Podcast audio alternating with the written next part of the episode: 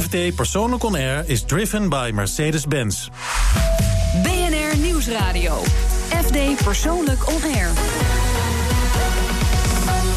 Paul Lasseur. Welkom bij FD Persoonlijk On Air, live vanuit Grand Hotel Amrad aan de Prins Hendrikade hier in Amsterdam. Publiek is van harte welkom om langs te komen. En ja, als het uh, te mooi weer is voor een museumbezoek, dan uh, kan je altijd nog een kijkje gaan nemen in de Beeldentuin. Daar gaan we het straks over hebben. Deze zomer du buffet in de Rijkstuinen. En Hans van der Meeberg tipt hoe we in het buitenland in culinaire zin aan onze trekken kunnen komen. Maar eerst mijn gast vandaag, hij is designondernemer. Wat dat betekent zul je je misschien afvragen. Zijn bedrijf werkt met sterdesigners als uh, Maarten Baas, Joep van Liesveld en Piet Hein Eek. Samen brengen ze innovatieve meubels op de markt. Je kunt hem ook kennen van designlabel Mooi, Mooi. Heel veel O's. Met uh, Marcel Wanders, mijn gast vandaag, Hans Lensveld. Hartelijk welkom. Leuk om hier te zijn. Ja, goed dat je er bent. Uh, we hadden het mazzel dat je deze week in het land bent, want je woont op Ibiza. Dat klopt. Ik, uh, ik woon op Ibiza en uh, ik vlieg één keer per maand hier terug naartoe voor een midweek. En ik ben hier één weekend in Amsterdam. Ja, wonen op Ibiza. Dat is eigenlijk de omgekeerde wereld. Veel mensen die, die gaan eens in de maand dan naar Ibiza. Ja, maar dit, die, dit leek mij een betere Is voor jou, de, voor jou de betere variant? Ja. Ja, wat, uh, hoe, hoe uh, ja, je, daar zal je wel heel plezierig wonen dan ook. Ja, ik, ik heb heel deze winter heb ik gewoond in de oude vesting. Dat was prachtig, bijna alles is dan gesloten. Uh, maar die paar restaurants en winkels die nou open zijn, die kennen je meteen. Dus het is een soort kleine gemeenschap waar ik, waar ik het buitengewoon naar mijn zin had. Nu is het daar heel erg druk. Ik heb nu een ander huis gehuurd aan ook in de oude stad, maar direct aan de kust, waar ik zo de zee in loop. En waar ik uh, 270 graden zeeview heb. Wat iedere morgen ja, het, het mooiste schilderij is wat ik me kan wensen. Nou, nou dat is, dat is uh, nogal te, te benijden, denk ik. Kan je wel gemist worden in, in Nederland? Want je hebt nog uh, twee kantoren, Breda en Amsterdam. Dat klopt, maar um, ik heb een, een hele goede organisatie. Dat heet, ik ben eigenlijk binnen mijn organisatie verantwoordelijk voor Research and Development. Dat is een fulltime job. Dat doet uh, een van mijn gewaardeerde collega's, Rick Minkes. Uh, en dan ben ik verantwoordelijk voor communicatie. Dat is een kwart fulltime job. Daar heb ik een collega voor, Jeroen Panders, die dat voor me doet. En uh, al het andere wordt eigenlijk uh, georganiseerd door een COO, dat is Rob Brugge. En hij zorgt voor de financiën, hij zorgt voor de administratie, hij zorgt voor de logistiek, et cetera. Dus ik kan eigenlijk heel goed gemist worden, ik kan heel goed op afstand functioneren. Ja, is dat altijd zo geweest? Of ben je toch ergens ook wel een beetje de, de directeur of de manager van het, uh, van het geheel? Nou, ik, ik, ik, ben, ik ben echt uh, de, de man die bepaalt waar we naartoe gaan. Die uh, dus het beleid bepaalt. Maar het, het, het, het, recente verleden en het verre verleden heeft bewezen dat mijn ambities niet liggen in het besturen van een bedrijf. En dan bedoel je het elke week de maandagvergadering? Vergaderen met managers die niet willen wat ik wil. Vergaderen met banken, met accountants. Uh, met advocaten. Dat, niet dat we dat heel veel doen, maar dat is niet mijn ambitie. Uh, mijn bedrijf is ooit heel erg groot geweest, 600 mensen. Ik heb nu 24 mensen. Bevalt, uh, mij, be, bevalt je beter zo te dit zien? Valt, bevalt me uitstekend. Ik, ik vind minder dan 20 niet leuk en meer dan 30 vind ik ook niet leuk. Dus dit, dit is voor mij de perfecte, de perfecte omvang van het bedrijf. Ja, en waarmee is je bedrijf dan uiteindelijk zo groot geweest? En eigenlijk nog, nog wel een behoorlijk bedrijf. Maar als je zelf eigenlijk je zo weinig laat, laat zien misschien wel op, op de zaak. Ja, god, uh, ik ben in 1985 in dat bedrijf gaan werken. Dat was toen het bedrijf van mijn ouders. Uh, in 1990 uh, heb ik dat bedrijf overgenomen. In 1993 ging er een leverancier failliet. En eigenlijk kon ik niet anders dan die overnemen. En dat heb ik ook gedaan. Maar dat leverde me wel eigenlijk een heleboel geld op. En uh, een aantal jaren later ging er weer een leverancier failliet. Die heb ik ook overgenomen. En toen zat ik in één keer met 300 mensen. En um, in 2004, ik, ik had, dat waren bedrijven die allerlei producten mm. uit plaatstaal maakten. En in 2004 uh, had ik ondercapaciteit. Wij produceerden onder andere ook uh, winkelinventarissen voor G-Star. En die verscheepten we dan naar Azië. En dat leek mij niet helemaal logisch. Je dacht, god, als ik dan toch uit moet breiden... dan kan ik misschien uitbreiden op een plaats waar groei te verwachten is. En in die context heb ik toen een derde plant gebouwd in uh, Shanghai. In plaatstaal? In plaatstaal, waar we producten maakten uit plaatstaal. En in 2006 kwam daar uh, mijn branchegenoot Gispe uh, voorbij. Ik ben uiteindelijk met hun gefuseerd. En uh, dat was voor mij een heel mooi moment, want op dat moment kon ik afscheid nemen van, van, van, van, al die taken. En kon ja. ik me focussen op het creatieve. Het conceptuele en het creatieve. Ja. En wat zijn, wat zijn je klanten dan geweest? Hè? Je zegt voor, voor G-Star, denk de winkels. Nou, kijk, mijn, mijn, mijn, mijn primaire business was altijd het inrichten van kantoren. Theaters, et cetera. Het inrichten van projecten in Nederland. Maar uh, daarvoor heb je fabrieken nodig, zeker in die, in die mm -hmm. tijd. En, uh, en, en, en, en, die fabrieken die verkochten ook andere dingen dan de producten die ik maakte. Zoals ook die producten mm -hmm. voor G-Star. Ja, en het kantoormeubelbedrijf van je vader, zoals je dat op je dertigste overnam. Klopt. Uh, wat was daar nog van, van over? Wat, wat zag je daar nog van terug in het bedrijf zoals jij het had nou, De missie uitgebouwd? is eigenlijk nooit veranderd. Dus de missie was altijd goede ingrediënten maken voor, voor, voor kantoren. De smaak is natuurlijk veranderd. Wat er natuurlijk ook is veranderd zijn de materialen. De productiemethoden mm. uh, zijn veranderd. En wat er op kantoor gebeurt is natuurlijk ook totaal veranderd. Dus als organisatie, als bedrijf hebben we ons daarop aangepast. En maken we nu totaal andere dingen dan dat we maakten in de negentiger jaren. Ja, en op, en op een grotere schaal dus ook. Uh, we, we, we, hebben het ooit natuurlijk in 1990 op een relatief kleine schaal gemaakt. Uh, in uh, 2006, toen ik viseerde, toen hadden we een omzet van 36 miljoen. En nu 8 miljoen. Maar ik moet zeggen dat deze 8 miljoen veel leuker is als die 36 miljoen van wel eer. Ja. En, uh, en, en, en dat familiebedrijf wat je hebt voortgezet hè, van je vader, Juist. was dat ook een beetje een, een droom van je om, om verder te gaan in de, in de business van, van jouw heer? Toen ik in 1985 van de HDS afkwam, toen wilde ik eigenlijk waterbouwkunde gaan studeren. Iets, iets heel stoers. Of mijnbouwkunde, wat mijn broer ook studeerde. Maar uh, dat was net de tijd dat de eerste PC's kwamen. En uh, mijn ouders deden alles nog met carbonpapier. En met Word Perfect kon je natuurlijk een enorme efficiëntieslag maken. Dus in die context ben ik hen gaan helpen. Uh, ik, ik, ben wel helemaal uh, gek geworden op dat interieur en op design. En uh, ik ben er altijd blijven hangen. Dus je bent gewoon eigenlijk al meteen vanaf de middelbare school daar, daar komen werken? Nou, de HTS. Ja. Dat, dat, is HBO. Ah, Oké, okay. oh, ja, ja. ja.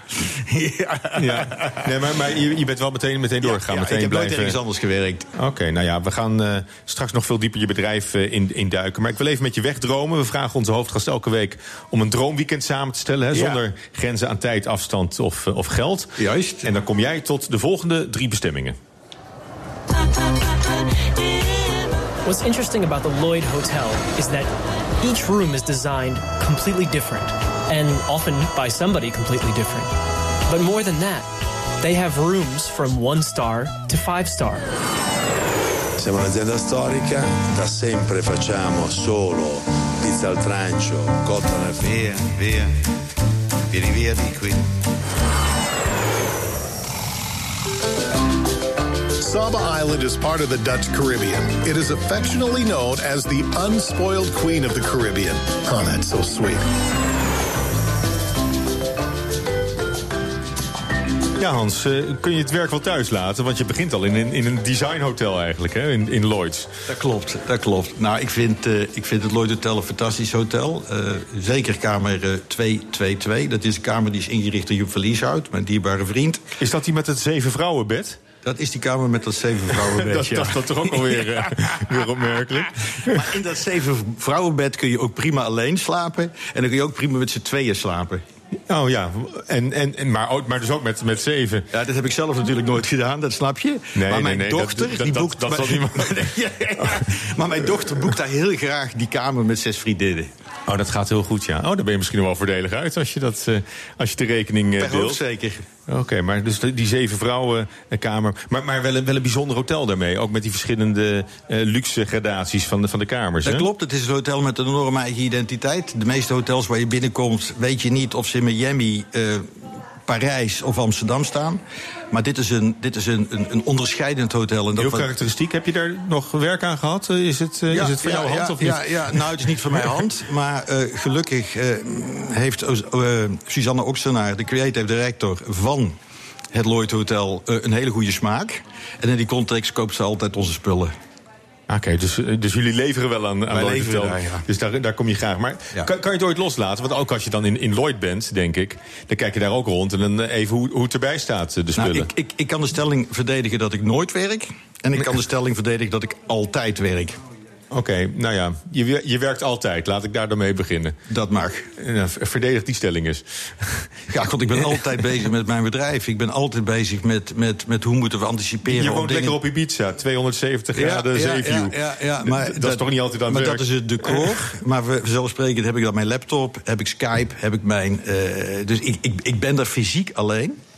Maar ik ben fully connected met alles wat er om me heen gebeurt. Oké, en, en dan die andere stelling. Want je zegt, ik kan ook verdedigen, ik ben nooit aan het werk. Ik lig altijd op eh, de stretcher in de zon.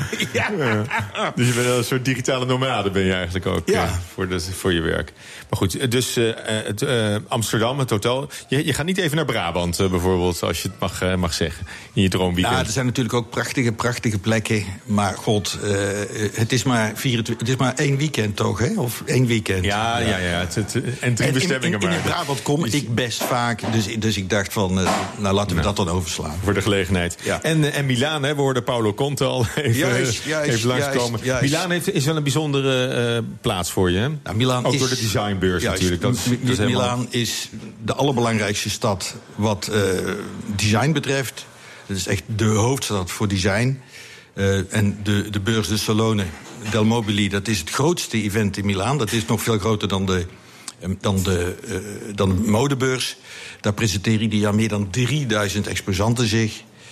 En dat is een enorm evenement. En die context ben ik daar ook al tientallen jaren. En, eh, En je blijft graag komen. En ook eh, in een specifiek hotel, eh, begreep ik. Nou, ik of, en een restaurant. De hotels maakt me niet zoveel uit, want in die tijd van de Chilone... dan is er geen fatsoenlijk hotel te vinden. Die zijn allemaal onbetaalbaar. Dus meestal doen we het dan als bedrijf een Airbnb. Ja.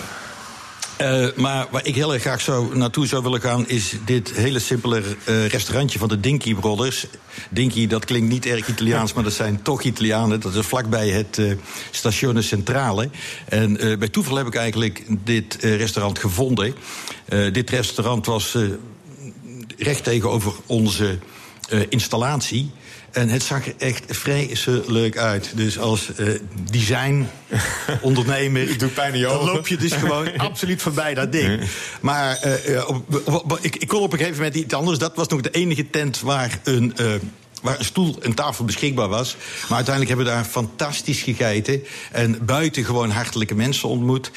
Recentelijk, twee weken terug, ben ik nog naar Milaan gevlogen voor een boeklounge. En eh, toen ben ik toch speciaal even gestopt om eh, daar te eten. Bij Dinkies. Bij Dinkies, ja. Dinkies in Milaan. Bij Gianni en Pedro. en eh, nou, ik, werd daar weer zo warm ontvangen. Daar wil ik terug naartoe. Oké, nou en uiteindelijk ook op, op Saba, fruit uit de bomen. Is dat een, een, een willekeurig tropisch eiland of nee, een specifiek nee, naar Saba? Nee, nee, nee. Ik ben 25 jaar geleden... mijn ouders hebben heel erg lang op Bonaire gewoond. En ik ben met een goede vriend toen is in een weekend naar Saba gevlogen. Eh, dat, dan ga je over eh, Sint Maarten. Dan stap je in een hele kleine Twin Otter. En dan vlieg je 10 minuten naar het eiland. En dan zie je een, een, het, hoogste punt van het Nederlandse Koninkrijk. En dan zie je een hele kleine andere eh, bergtop. Waar dan een strip, een landingsbaan op is. En dan denk je: oh my god, dit, dit gaat het niet worden. En dan eh, landt die, eh, die Twin Otter, die, die landt. Maar die gebruikt maar die helft van die baan. En. Ja, eh, het, was zo'n speciale ervaring. Dus normaal moet je dan al die formuliertjes invullen van de immigratie. Maar er stond gewoon een mevrouw die had al onze formulieren, formulieren al ingevuld. Het, was een, het is een, een, een tropisch eh, regenwoud. Het is zo ongelooflijk groen. Ik, ik ben heel erg begaan met planten. Ik ben heel erg begaan met bomen. Eh, ik vond het klimaat, dat, dat vocht vond ik ook heel mooi. Ik ben er drie of vier dagen geweest en ik heb me toen voorgenomen... hier ga ik terug naartoe. Snel. Maar inmiddels zijn we 25 jaar later en ik ben nog steeds niet terug geweest. Dus nu eh, Als je de kans jij krijgt. dit vroeg, dacht ik, Ga je de, dit ga je is mijn kant kans. op. Ja. Het eh, uithoek van, eh, van ons koninkrijk. Zometeen praat ik verder met eh, designondernemer Hans Lensveld. En Hans van der Meeberg die schrijft aan met horecatips voor op reis. BNR Nieuwsradio. FD Persoonlijk On Air. Mijn gast vandaag is Hans Lensveld, ondernemer in interieuren. En Hans, je bent een echte Bourgondier, toch? Je houdt van lekker eten en drinken. Ik, ik hou van mensen, ik hou van eten, ik hou van drinken, ik hou van gezelligheid. Ja. Gewoon gezelligheid. En met, met welke keuken in het bijzonder maken we je blij? We hoorden je al over, uh, over de twee Italiaanse broers. Maar, uh... ik, ik, hou, ik hou van uh, hele pure, hele verse ingrediënten. Die dan heel erg eenvoudig klaargemaakt zijn. Dus alleen warm gemaakt. Of, of, of, of rauwe vis. Ik hou ook heel erg van de Japanse keuken. Ja. En je, je heeft ook vaste adresjes, hè, waar ze je dan weer, weer herkennen. Waar je, waar je begoed wordt dat door. Klopt, dat klopt. Ja, ja. ja. ja en wat, wat, wat is echt jouw, jouw toptip in de, in de restaurantsfeer? In ja. Nederland dan even. Oh, nou, ik wilde net een Belgisch restaurant. België mag ook. ja. Nou, mijn favoriete rand, of restaurant, dat is Izumi. Hm? Uh, dat is een Japans restaurant. En dat zit achter het Paleis van Schone Kunsten in uh, Antwerpen. Antwerpen. Hm? En uh, dat is het verste punt wat nog bereikt kan worden door de busjes die uit Parijs komen. In Parijs is een enorme markt waar verse vis verkocht wordt. En dit is het meest noordelijke adres wat nog bereikt kan worden. En dit, dit is echt de aller, aller, allerbeste Japaner die ik ken. Het is overigens van een, uh, een Amsterdammer. Hij heet Ed. Hij heeft heel, jarenlang gezeten. ja, hij heeft jarenlang in Japan gewoond. Maar uh, runt nu, ik denk, twintig jaar het restaurant ja. in Antwerpen. Ja. Zeg, en voor je eigen netwerk organiseer je ook wel uh, met regelmaat diners, toch? Dat klopt, dat klopt, dat klopt. Uh, ik heb een hele goede relatie, dat is Anne van der Zwaag. Anne van der Zwaag is een design-icoon. Heeft columns onder andere in uh, L, onder andere in Frame Magazine, onder andere in Blad Architect. heeft een eigen mm. designbeurs. is echt een verbinder tussen de culturele kolom en de zakelijke kolom.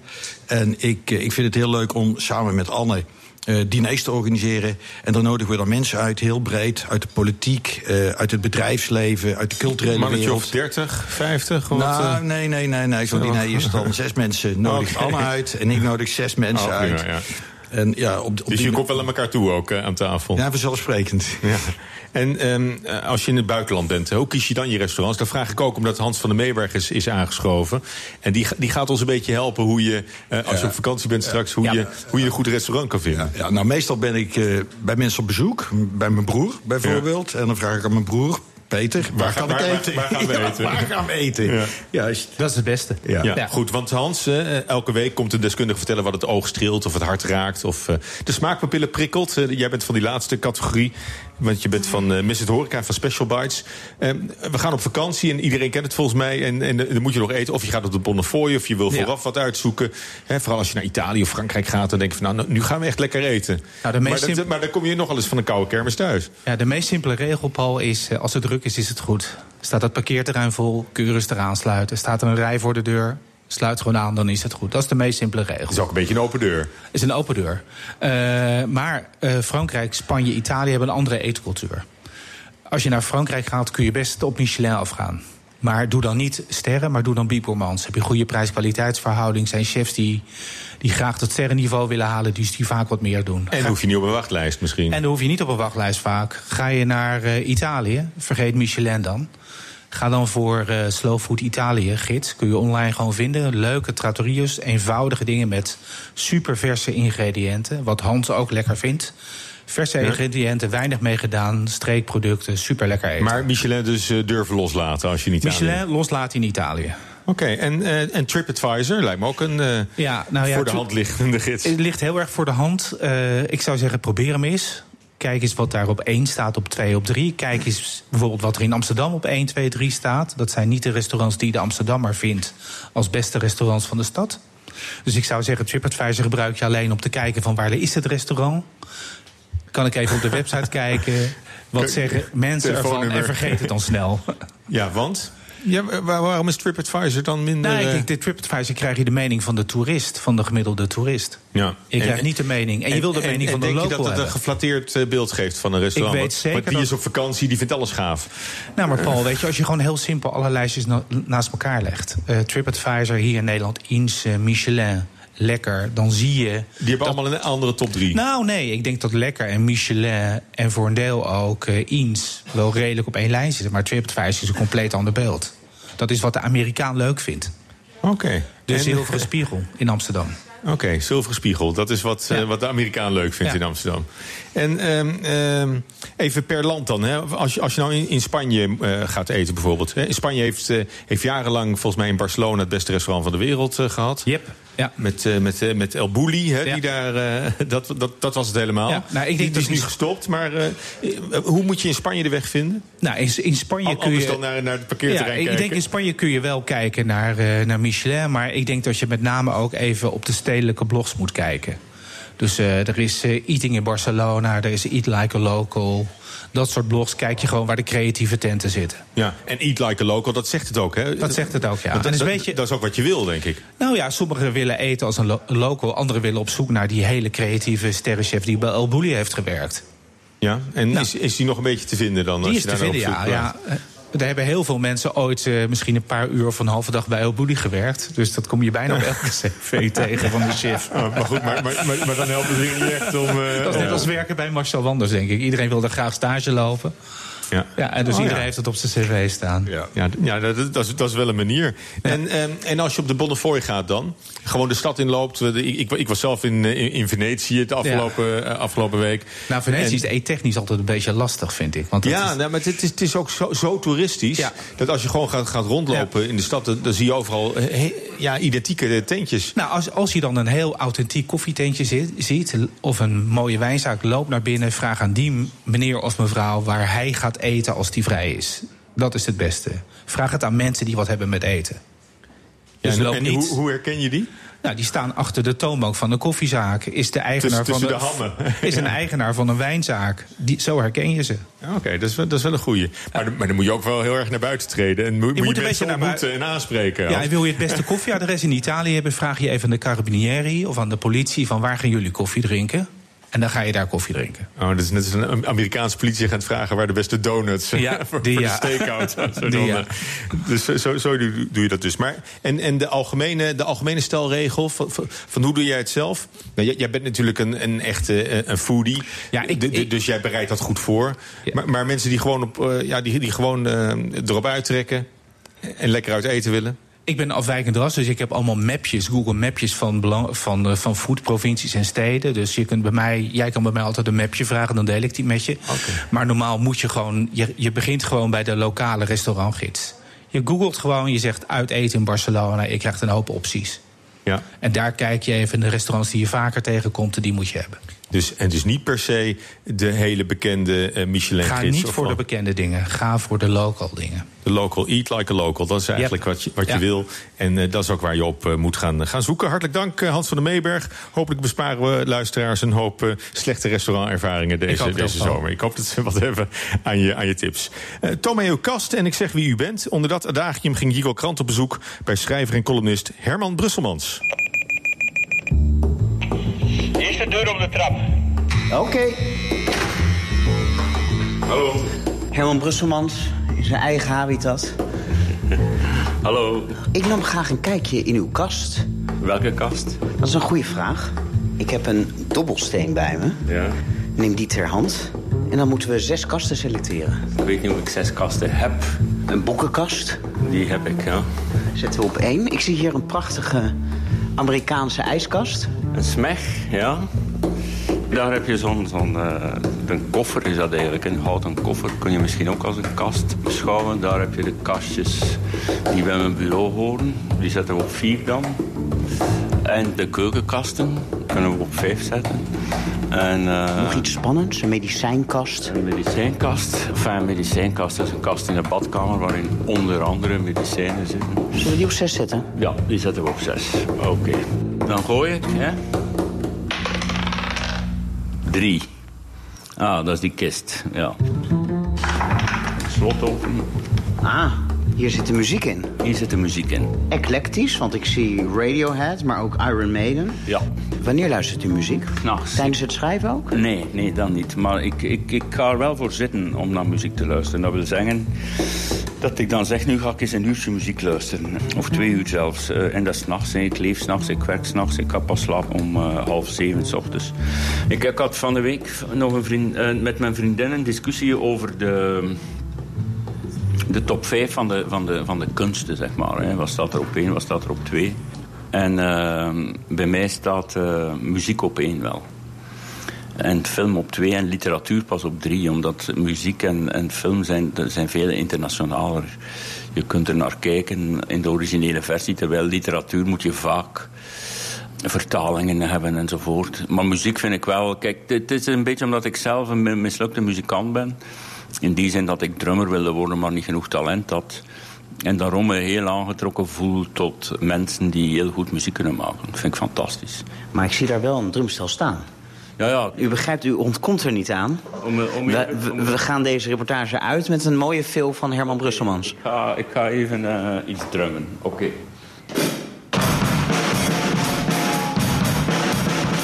Ik zat in een televisieprogramma waarbij ze dingen deden met mensen. En uh, aan mij vroegen ze, we gaan een auditie houden om een rockgroep mee op te richten. Er waren twintig muzikanten op afgekomen en daar zijn drie jongens uitgekomen van 19, 20 jaar zo ongeveer. Het was redelijk leuk, maar ik dacht, ja, dit was het dan. Hè. Maar die jongens menen het eigenlijk. Ze zijn hier van de week langs geweest om te bespreken hoe we die band gaan laten evolueren. Waarom niet? Ja, ik heb, ze hebben me kunnen overal. Dus uh, de band heet Harry Belafonte. Dat was ook een grap natuurlijk.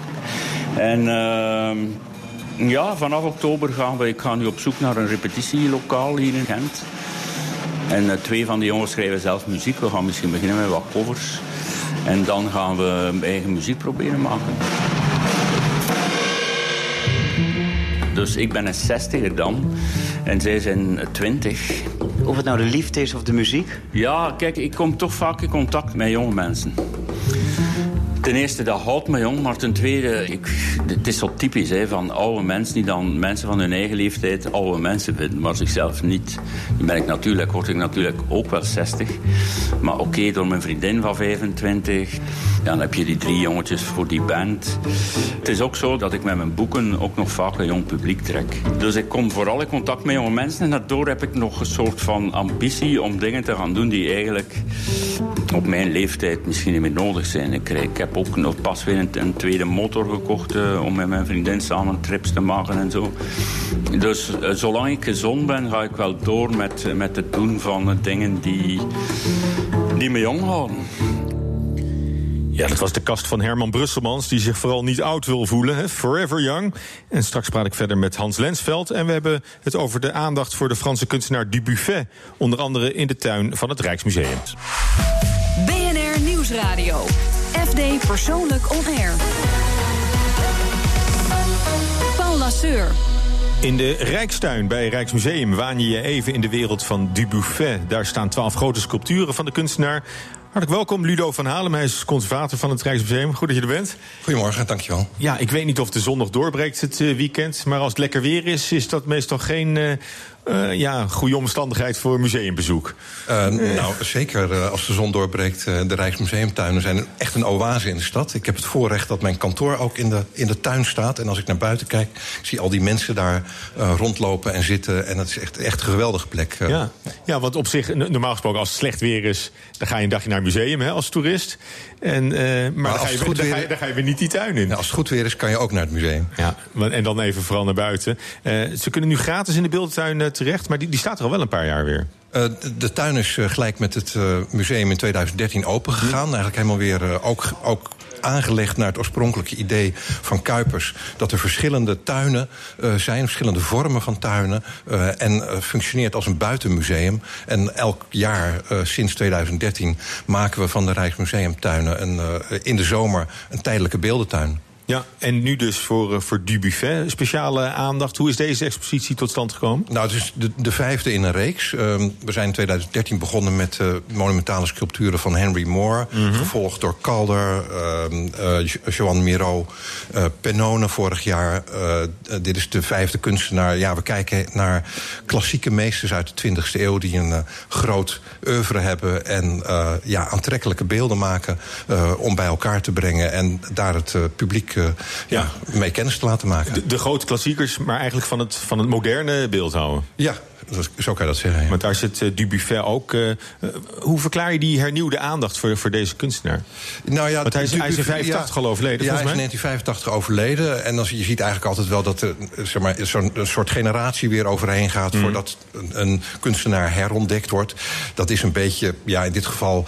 Dubuffet is altijd wel in beeld gebleven. Want iedereen kent uh, dat enorme werk wat in de beeldentuin van Krullenmuller staat. De Jardin des Mailles, de Emaille tuin. een soort groot kunstmonument landschap. Dus heel veel mensen kennen zijn werk wel. Maar meestal van dat ene beeld.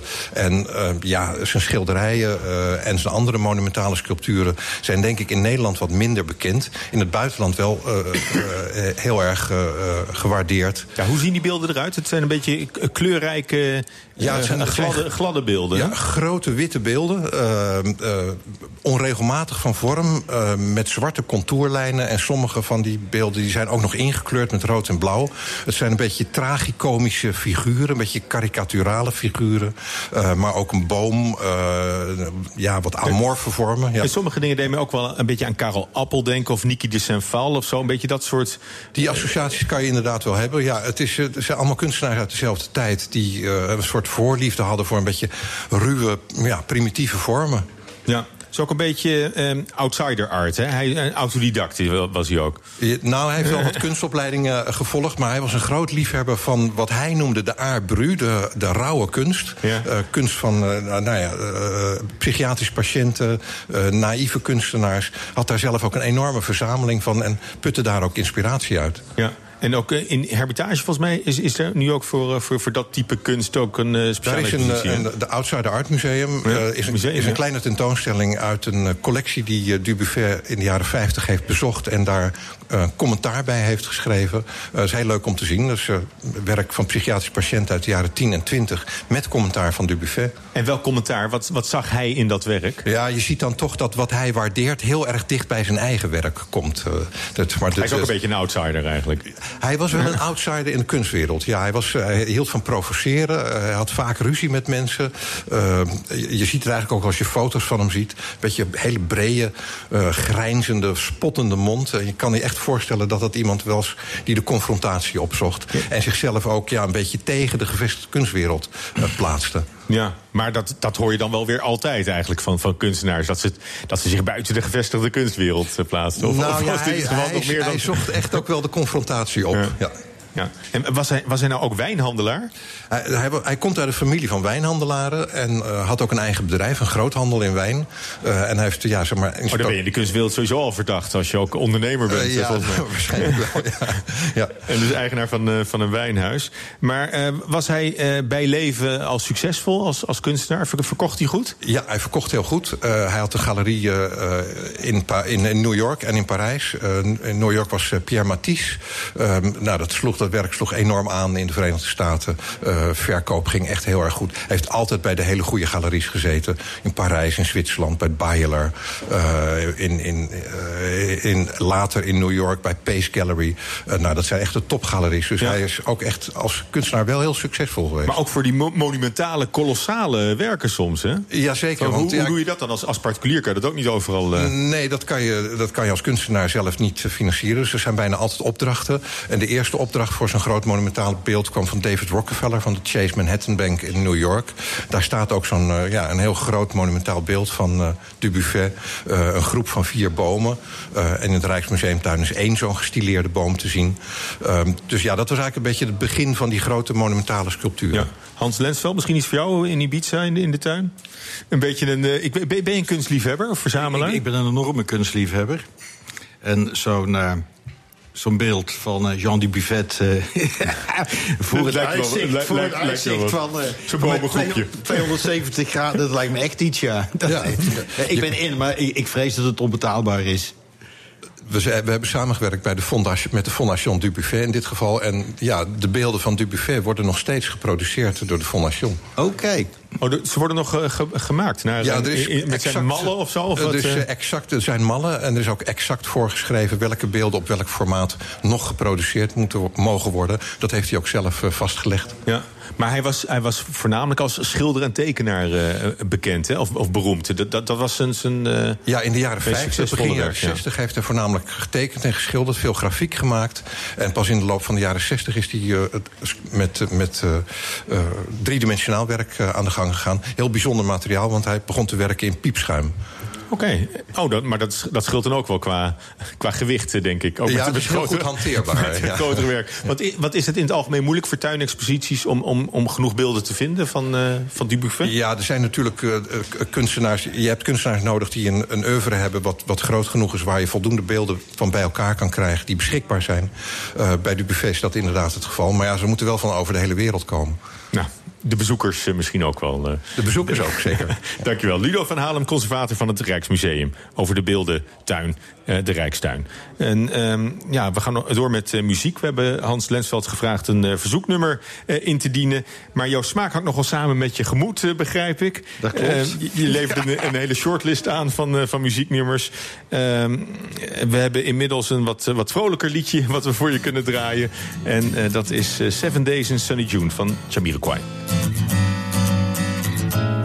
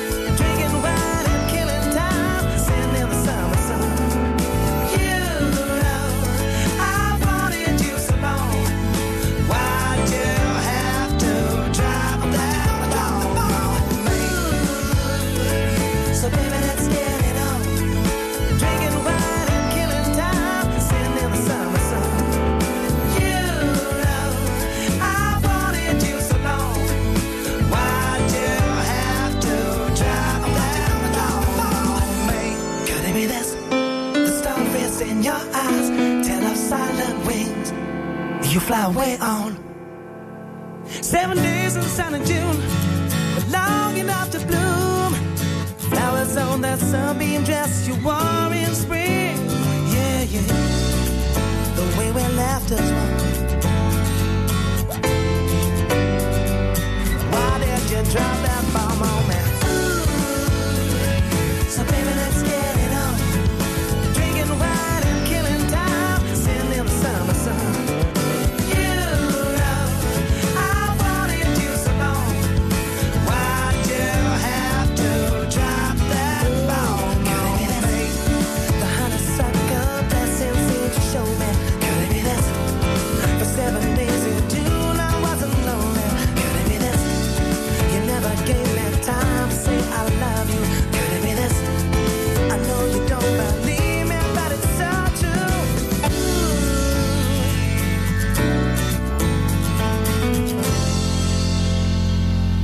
hoorde Jamiroquai met Seven Days in Sunny June. Drinking wine and killing time. Hadden we het al even over hier aan tafel. En zometeen praat ik verder met Hans Lensveld, designondernemer. Tot zo.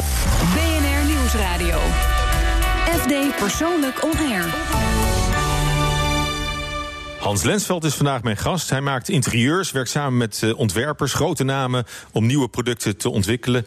En als we dan even, even terugkijken op eh, nou, toch al een, lange, imposante carrière... in de kantoorinrichting kun je zeggen, maar het, is veel meer eh, dan dat... Ehm, ja, we, hebben het al even besproken. Hè. Je hebt een plaatstaalfabriek in, in Shanghai gerund. Je bedrijf is heel groot geweest. En is eigenlijk een, een stuk compacter geworden weer. En eigenlijk bevalt dat je ook wel, zeg je. Dat klopt. Mijn, mijn ambitie is creëren van mooie dingen. en het laten creëren van mooie dingen, dat is mijn ambitie. Mijn ambitie is niet het runnen van een, eh, van een grote organisatie. Eh, dus ik vertelde net dat ik in 2006 eh, fuseerde met Gispen.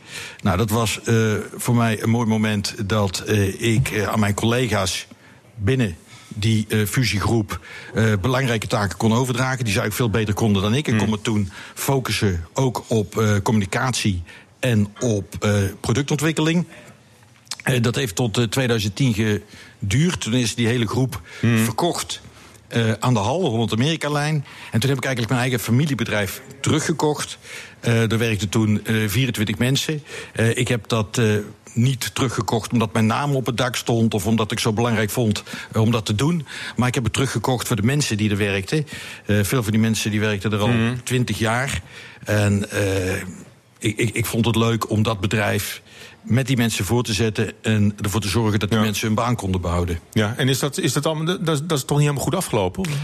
In, in, in, in 2012 is er iets misgegaan. Toen hebben we nog een faillissement gehad. Eh, toen ik dat bedrijf terugkocht, toen, toen was de markt heel erg moeilijk. Eh, het bedrijf was ook in een wat minder goede staat dan dat ik dacht. En eigenlijk zag ik iedere maand de omzet een beetje teruglopen. Beetje een kat in de zak toch geweest, je, je eigen bedrijf. Nou, dat wil ik, ik wil niemand iets kwalijk nemen. Nee, goed, maar... maar, Maar ik heb toen, maar ik heb toen eh, met, met, mijn, met mijn collega's overlegd. En ik heb gezegd: jongens, wat gaan we doen? Ik heb nu nog geld om jullie allemaal naar huis toe te sturen. Eh, ik heb toen gezegd: jongens, misschien kunnen we met z'n allen ook proberen een soort turnaround te. Te realiseren. Ik, ik heb toen een soort presentatie gemaakt van een hele van langzaam varende olietanker versus een springende tank. Ik zeg, waar kiezen we voor? En toen hebben eigenlijk mijn collega's unaniem gezegd: Hans, we gaan voor die turnaround en we zien wel hoe het afloopt. Eh, dat ging afhankelijk heel erg goed. 2011 ging fantastisch. En in 2012 eh focusten we op eh, drie enorme grote projecten in het buitenland. Eén was Coca-Cola en één was de Rockefeller Bank. En eh, we hebben in die projecten afgrijzelijk veel geld geïnvesteerd. En uiteindelijk kregen we van alle drie die projecten niet de opdracht. Ja, god, en dan weet je dat je over. ja, over drie maanden zonder geld zit. Dus ik kon niet anders dan zelf dat faillissement aanvragen. En ik had toen eigenlijk helemaal geen zin meer om opnieuw dat bedrijf te beginnen. Ik zat er totaal doorheen. Ehm, eh, maar ik kwam toen bij de curator en die zei: God Hans, ik vind dat je toch een goed bedrijf hebt. En ik vroeg hem toen waarom. En dat was omdat we een opdracht hadden bij de Verenigde Naties. Dus dat was blijkbaar het criterium Nou ja, dat we een goed bedrijf maar je, je, je, je hebt hele, Ja. hele prestigieuze opdrachtgevers. En uiteindelijk eh, kies je dan toch voor een, voor, voor een doorstart. Je bent heel, heel kort eh, failliet geweest. Dus. En, en, en, ik- en, toen- dat toch weer op. Ik, ik, ik heb toen, ik heb toen dus de curator heeft me eigenlijk overtuigd om door te gaan. Ik wil nog wel een ding zeggen over het faillissement. Het is een heel net faillissement geweest. Dus ik heb de bank volledig terugbetaald. En ik heb met al mijn leveranciers een regeling getroffen. Of ik heb het direct betaald na de doorstart. Of ik heb in termijnen het geld betaald wat ze verloren hebben. Ja. Maar goed, en, en jou- jouw eigen ehm, rol in, in het bedrijf, hè, daar, daar wil ik nog even. Want zie je nou zelf meer als, als, als de ondernemer? Want je bent niet de designer zelf. Hè? Je- Nee, jij- de weet, jij weet, jij weet eigenlijk alleen maar designers naar, de, naar de markt te brengen. Dat, Precies. Ik, ben, ik ben een echte ondernemer, puur zang. En eh, ik, ik, de fine fleur van de Nederlandse ontwerpwereld vraag ik om voor mij producten te maken. En ehm, dat doe ik omdat ik daardoor betere producten krijg. Eh, wij willen als bedrijf. En, en, en met Dutch design ga jij dan de wereld in? en met Dutch Design ga ik dan de wereld in, ja. Ja. En, ehm, en dat heeft je tweemaal een prestigieuze prijs op de designbeurs van Milaan eh, opgeleverd. En dat is makkelijk gezegd.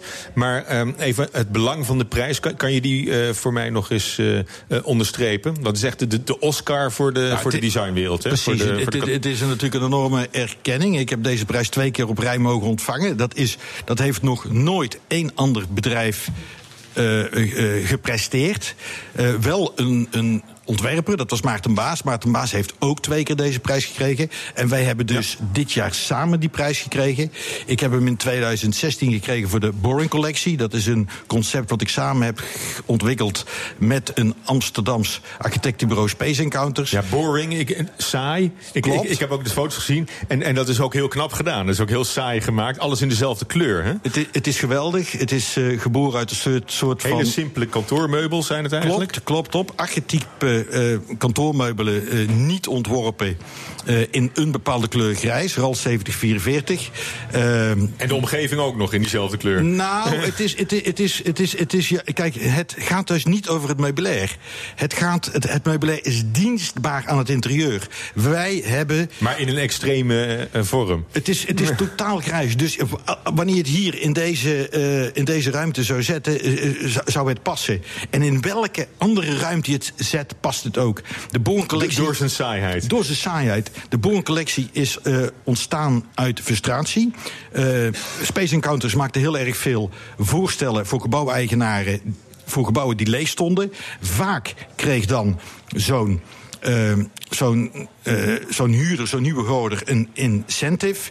En werd eh, een, een deel van het nieuwe interieur betaald door de huiseigenaar. Er kwam er een fantastische receptie, een fantastische vloer, een fantastische wand, een fantastisch, eh, een fantastisch plafond. En dan ging die organisatie, eh, wat vaak car rentals waren of supermarkt, zelf het meubilair kopen.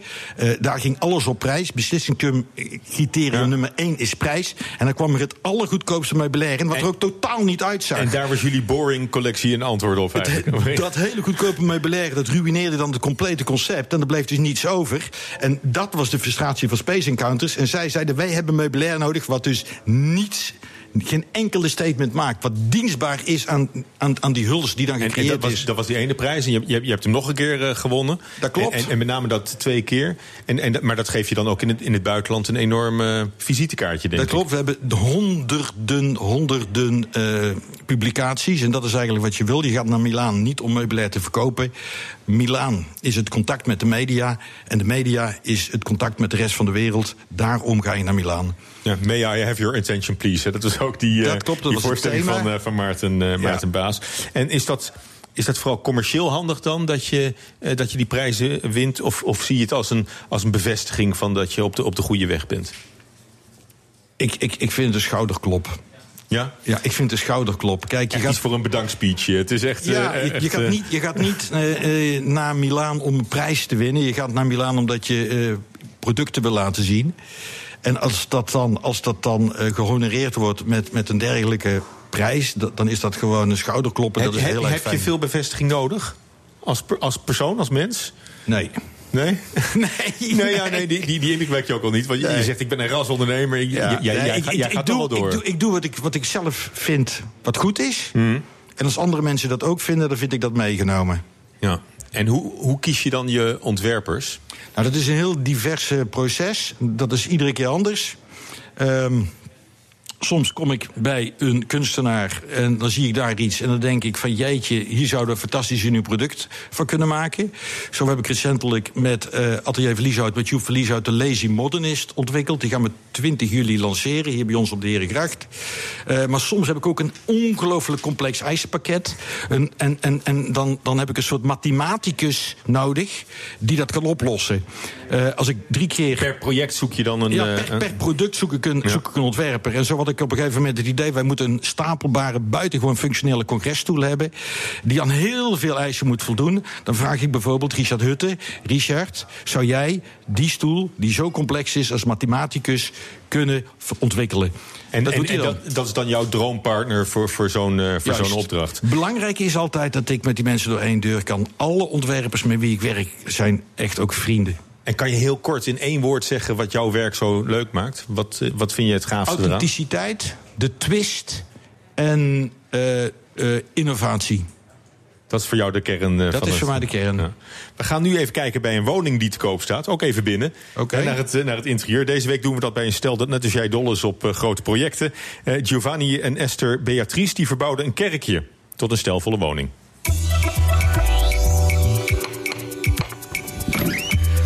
Hallo. Welkom. Ik ben Harmen. Ik ben Giovanni, aangenaam. En dit is jullie kerk. Dit is onze kerk, ons huis. En u bent de priester? Ja, nou ja, ik eh, vraag altijd om een kleine bijdrage voor de collecte, maar eh, ik ben geen priester. Het is nog wel echt een kerk, hè? Je ziet meteen eh, het prachtige dak. Wat dat betreft eh, glas en lood, het zit er nog allemaal in. Ja, dat is allemaal vernieuwd, maar ehm, eh, ja, het is, het is en blijft een kerk. En het, het ruimtelijke maakt het ook wel heel bijzonder, ja. Zullen we omhoog gaan? Want hier is meteen eh, de trap. En dan komen we in het woongedeelte. Want jullie wonen midden, ja, eigenlijk zwevend in de kerk. Ja, we hebben er een, een doos ingezet. En eh, door een aantal beperkingen van de trekstangen eh, hebben we besloten om boven te wonen. Eh, en van daaruit ook het dakterras op te kunnen. En onder hebben we alle slaapkamers en badkamers. En dit hebben jullie helemaal samen en zelf gedaan. Want jij bent Esther. Goeiedag. Hallo. Jullie zijn de eerste bewoners en alles wat je ziet is van jullie. Ja, dat klopt helemaal. Alles zelf gedaan. Ja, zelf bedacht. Wel in samenspraak met een architect natuurlijk. Maar eh, het hele project van eh, het eh, op papier zetten tot het uite- uiteindelijk het uitvoeren... daar zijn we al een aantal jaartjes overheen gegaan, ja. Ja, bloed, zweet en tranen. Ook dat, zeker weten. Dat Ja. hoor je vaak bij zo'n project, hè? Ja, bloed, zweet, tranen en rechtszaken. Oh, en rechtszaken. Voordat je eh, er daadwerkelijk aan kunt beginnen, gaat er een heel proces aan vooraf. En, eh, maar uiteindelijk eh, is het allemaal goed opgelost. En, En dat is eh, belangrijk om te vermelden natuurlijk. Exact. En iedereen is happy en trots. En, Er zit eh, geen erfenis aan dit huis eh, vast. Dat de buurt denkt van we hadden het nooit zo gewild. Nee, ik denk dat iedereen ook wel, wel heel trots is op wat het geworden is. We gaan de kerk weer uit. Voor het zingen. Nee, eh, want jullie hebben een, eh, ook een dakterras. En dat, eh, dat is echt prachtig. De zon valt er ook op. Je vraagt je af eigenlijk, eh, Giovanni en Esther... waarom gaan jullie in hemelsnaam weg? Ja, we zijn nogal van de projecten. Eh, en dit is. Creabeers. Ja. En dit loopt ten einde. Dus eh, we zijn stiekem op zoek naar een volgend nieuw project. Wel in de buurt. Maar loopt ten einde, jongens. Dit is, dit is toch eindeloos? Eh, ja en nee, voor ons blijkbaar dus niet. Want het borrelt weer? Ja, het borrelt weer. Serieus. Wij vinden het heel leuk om dingen te maken, te creëren... en eh, bij projecten proje- eh, betrokken te zijn. En dat laat ons gewoon niet los. En inderdaad, het is een heel mooi project... en we wonen er met alle plezier. Maar ja, er is toch blijkbaar nog iets meer voor ons. Er zit bloed in, er zit zweet in, tranen, Passie. eh, passie liefde, emotie, creativiteit. Ja. Ja, klopt. Eh, jullie willen verder, dat mag wat kosten. Wat willen jullie hebben? Als iemand komt die serieus geïnteresseerd is, ook een kwestie van gunnen, dan zijn we bereid om erover te praten. En, ehm, eh, en dan komen we er daar wel uit. Het, het is, het is, je moet niet je rekenmachine gaan, gaan pakken en het gaan hebben over vierkante meter. Het gaat dus ook om het verhaal weer. Exact. Want wat is, wat is het waard dat je de- deze moeilijke weg hebt afgelegd van kerk met rechtszaken tot wat het nu is? Dat hoeven die mensen allemaal niet meer te doen. Exact. En dat is. eh, Daar willen jullie natuurlijk wel voor gecompenseerd worden. Precies, zo is het. Ja. U hoorde Harmen van der Veen vanuit het kerkje in, eh, in Muiden. Ja, Hans uh, Lensveld, we gaan al een beetje naar het eind eh, van deze, deze uitzending toe. En eh, wat ik me afvraag, hè, jij nam zelf het bedrijf over van je ouders. Heb je zelf ook eh, kinderen die staan te trappelen om in jouw voetsporen te treden? Ik heb zes kinderen. Zes kinderen? Eh, en, en zit er talent eh, tussen om hetzelfde te doen wat jij doet? Nou, ze hebben alle zes talent. Het punt is alleen dat ik, eh, ik, ik, ik vind het werk nu leuker dan dat ik het ooit heb gevonden. Ik ben nu 57. Je bent al lang niet klaar. En ik wil eigenlijk nog 20 jaar door. En ik wil per se niet met een kind in de zaak. Ik bedoel, met een kind. Ik heb zelf met mijn vader en mijn moeder ooit gewerkt. Slecht bevallen? Nou, eh, permanent heb je een soort van rollenconflict. Tegen je vader en je moeder mag je alles zeggen. En je moet doen wat je baas zegt. Dus ik vond dat werken met mijn ouders, dat vond ik eh, zwaar. En dat wil ik mijn kinderen niet aandoen. En als ik dan inderdaad nog 20 jaar door zou gaan, dan ben ik dus 77. En dan is mijn oudste dochter is geloof ik 50. En eh ik is geloof, dan een beetje dat laat is te laat. Is Ja. te laat. Maar mijn dochter heeft inmiddels een eigen bedrijf. Dat heet Canoef. Classics are never out of fashion. En eh, dat is ook gelieerd aan de hele Ja, interieur. het is wel in de, in de, in de branche. Dat is wel in de, in de branche, dat is wel gelieerd. En ze doet het, eh, ze doet het eigenlijk beter dan ik. Wanneer het criterium geld verdienen is. Dus ik, ik, ik denk dat ik voor mijn Ze zou het wel kunnen. Nee, ze zou het, ze zou het Ze, beslist ze zou het wel kunnen, maar je wil het nog niet overdragen. Omdat maar, ik het graag nog zelf wil doen. Ja, omdat je het zelf nog gaat schaaf wil doen. Maar je sluit dus absoluut niet uit dat eh, als het eenmaal zover is... dat je dan eh, toch nog met een gerust hart zou kunnen overdragen aan... eh, Ik, ik blijf werken zolang ik het leuk vind. En du moment wanneer ik het niet meer leuk vind, dan draag ik het onmiddellijk over. Nou goed, op het moment dat je stopt, nodig ik je graag nog een keer uit. Om, leuk. om met je te praten. ook over, ook over je, je toekomstplannen. Dus, dus je, je wil nog door, eigenlijk op dezelfde voet als dat Ja. je nu werkt met, je, met je bedrijf. Ja. En voor jezelf persoonlijk, wonen op Ibiza, dat is, dat is wel. Nee, maar dat is niet mijn destiny. Dat is niet mijn destiny. Ik ben een soort nomade. En ik blijf ook niet op Ibiza. Eh, mijn, mijn huurcontract loopt 1 november af. En eh, misschien dat ik dan naar een Italiaans eiland ga. Eh, ik, ik vertelde net Hans dat, dat mijn. Dat Hans, in Italië ligt echt je hart. Precies, daar ligt, daar, ligt, se, daar ligt echt mijn hart. Maar ook, ook, ook in dit deel van de wereld ligt ook mijn hart. Eigenlijk zou ik terug willen naar één plek om daar permanent te wonen. Dan mag je, dat- daar ronden we nu mee af. Waar is dat? Eén plek? Antwerpen. Antwerpen. Misschien wordt het Antwerpen. Ja, ja. Dit was eh, FD Persoonlijk On Air vanuit Grand Hotel Amrad in Amsterdam. Je kunt items terugluisteren via de podcast te vinden op bnr.nl en de bekende kanalen. En ik eh, dank eh, Hans Lensveld voor zijn, eh, voor zijn bijdrage aan, de- aan dit programma. Leuk dat je er was, Hans. En eh, allemaal tot volgende week en fijn weekend. FD Persoonlijk On Air is driven by Mercedes-Benz.